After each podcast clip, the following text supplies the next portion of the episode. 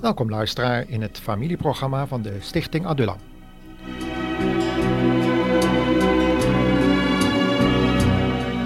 Ons thema voor vandaag is stress. Wat is dat eigenlijk? We leven in een tijd van grote en toenemende maatschappelijke onrust, stakingen, geweldplegingen en sociale spanningen. Het komt steeds meer voor dat mensen hierdoor in een ernstige stresssituatie geraken. Vandaar dat we een aantal programma's aan dit onderwerp willen wijden om na te denken hoe we stress kunnen voorkomen of verhelpen.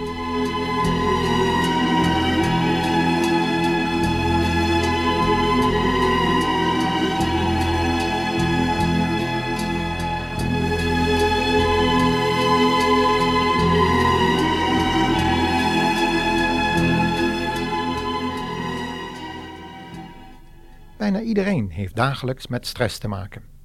Chronische stress is een van de grootste maatschappelijke problemen van deze tijd. Een derde deel van het ziekteverzuim heeft met aan stress verbonden klachten te maken.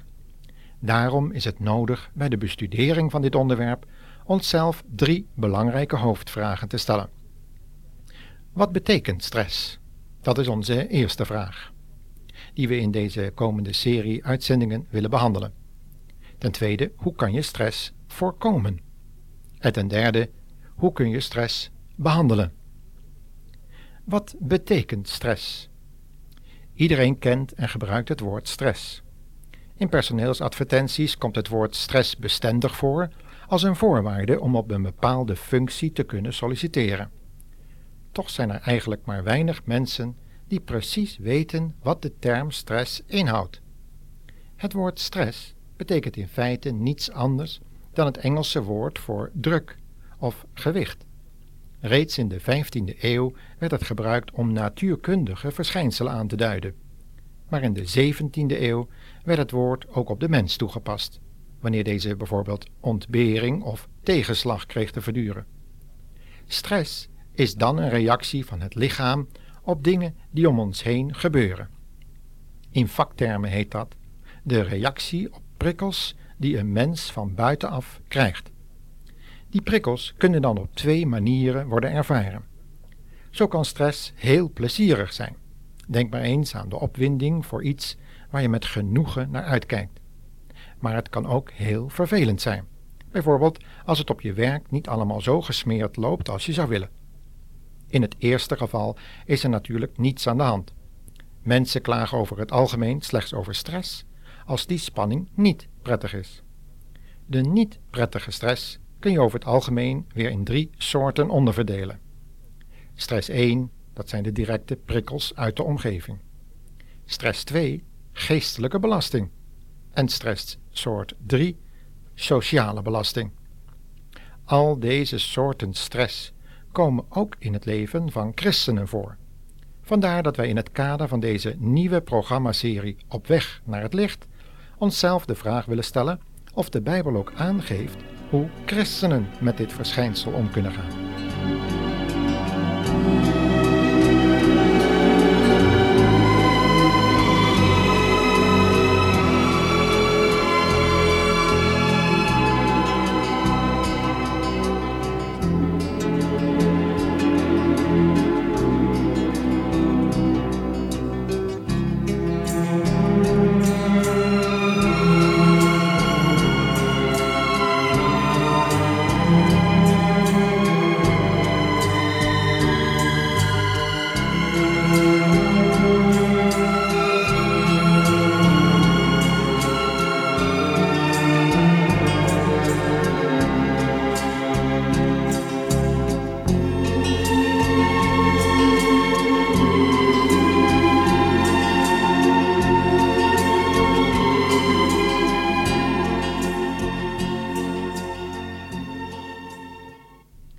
Bijbel is een realistisch boek.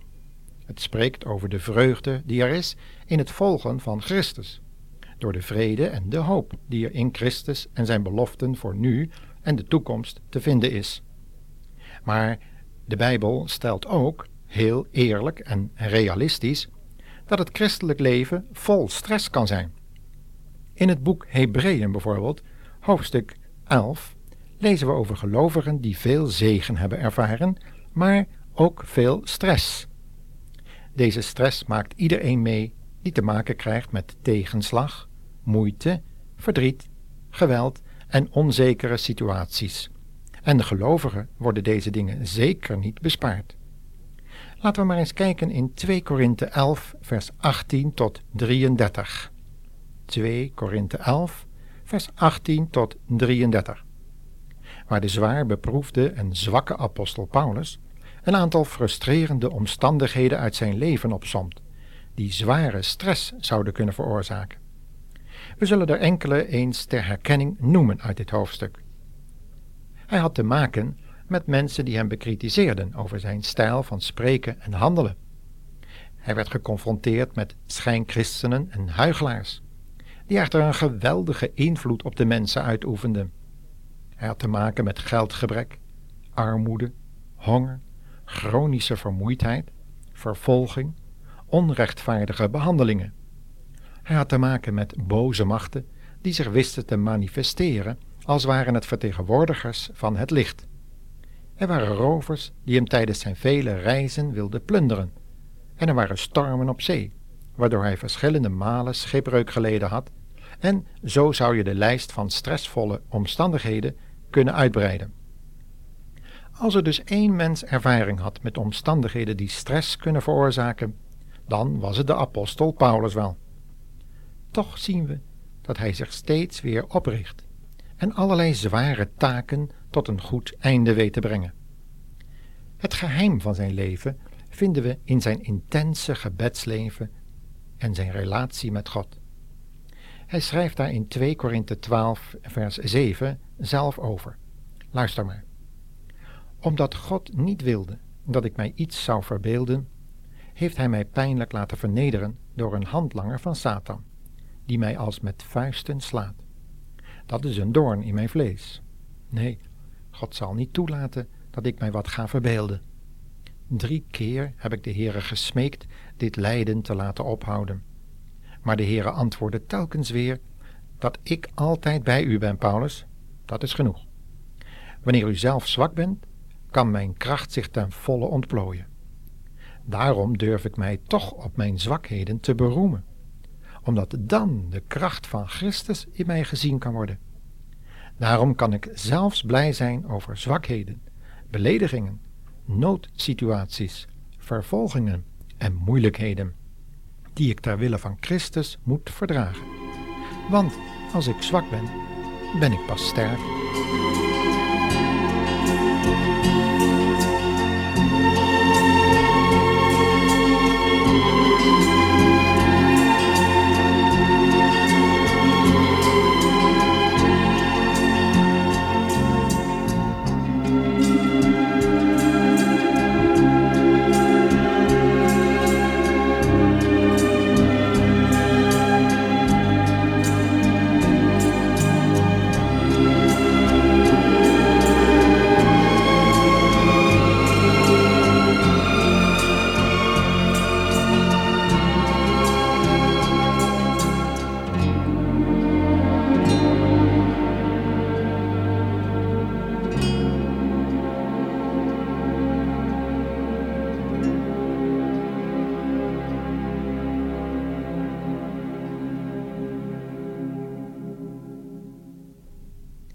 Paulus had dus het geheim gevonden van het noodzakelijke evenwicht tussen ziel, geest en lichaamsfuncties.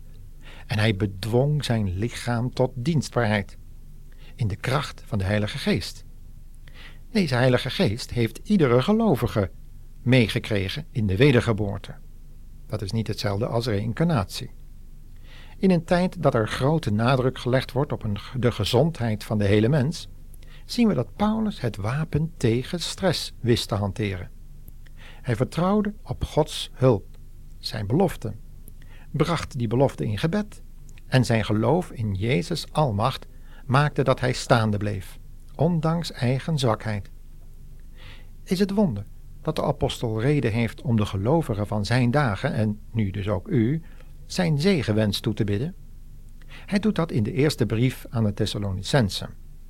Een wens die ook nu nog niets aan kracht verloren heeft. En Hij, schrijft hij, de God van de vrede, heilige u geheel en al. En geheel uw geest, ziel en lichaam mogen bij de komst van onze Heer Jezus Christus blijken in alle delen onberispelijk bewaard te zijn. Dat er in het begin van onze jaartelling reeds kennis was van het verband tussen ziel, geest en lichaam, blijkt uit de brieven die in de begintijd van de joods-christelijke kerk geschreven zijn. Een citaat uit een van deze brieven maakt duidelijk dat men in die dagen reeds inzicht had in wat wij nu psychosomatische ziekte zouden noemen. Johannes, die in zijn derde brief aan de vroeg-christelijke kerk iemand, evenals Paulus dat dus deed, het allerbeste toewenst, deed dat met de volgende woorden: Geliefde, voor alle dingen wens ik dat het u goed gaat, zoals het uw ziel welvaart. Uit deze woorden kunnen we dus opmaken dat de Bijbelschrijvers reeds vroeg het verband wisten te leggen tussen lichamelijke gezondheid en geestelijk welzijn. De moderne wetenschap is dus in de ontdekking van deze verbanden toch niet zo modern als wij dachten.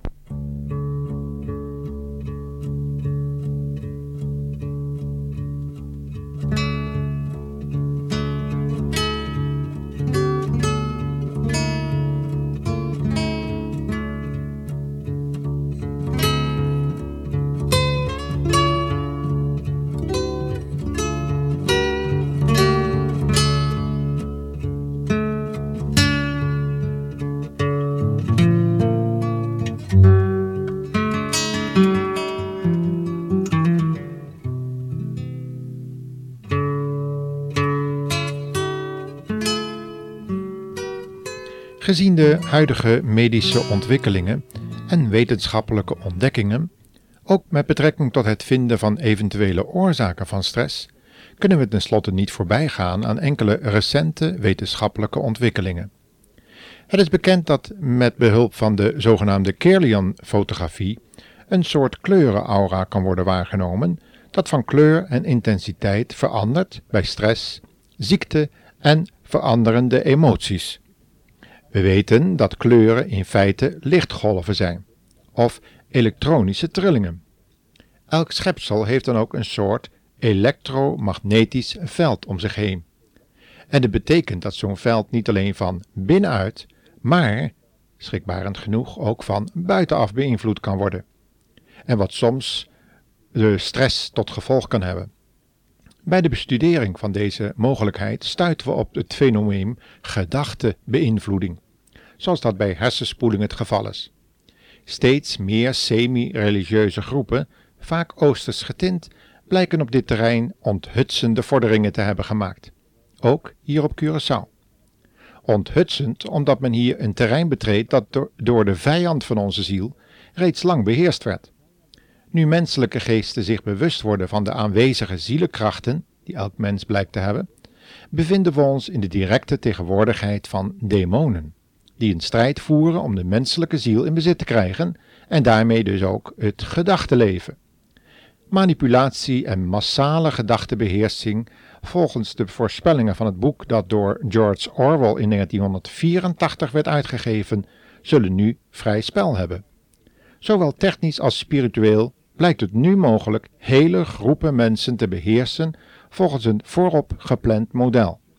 Juist in perioden van stress, wanneer het gedachtenleven toch al niet zo evenwichtig en gemakkelijk manipuleerbaar is, en dus gemakkelijk manipuleerbaar is, behoren met name christenen de helm van het heil op te hebben. Dit is een onderdeel van de christelijke wapenrusting van Efeze 6, en het beschermt met name ons gedachtenleven tegen dit soort toenemende invloeden van buitenaf.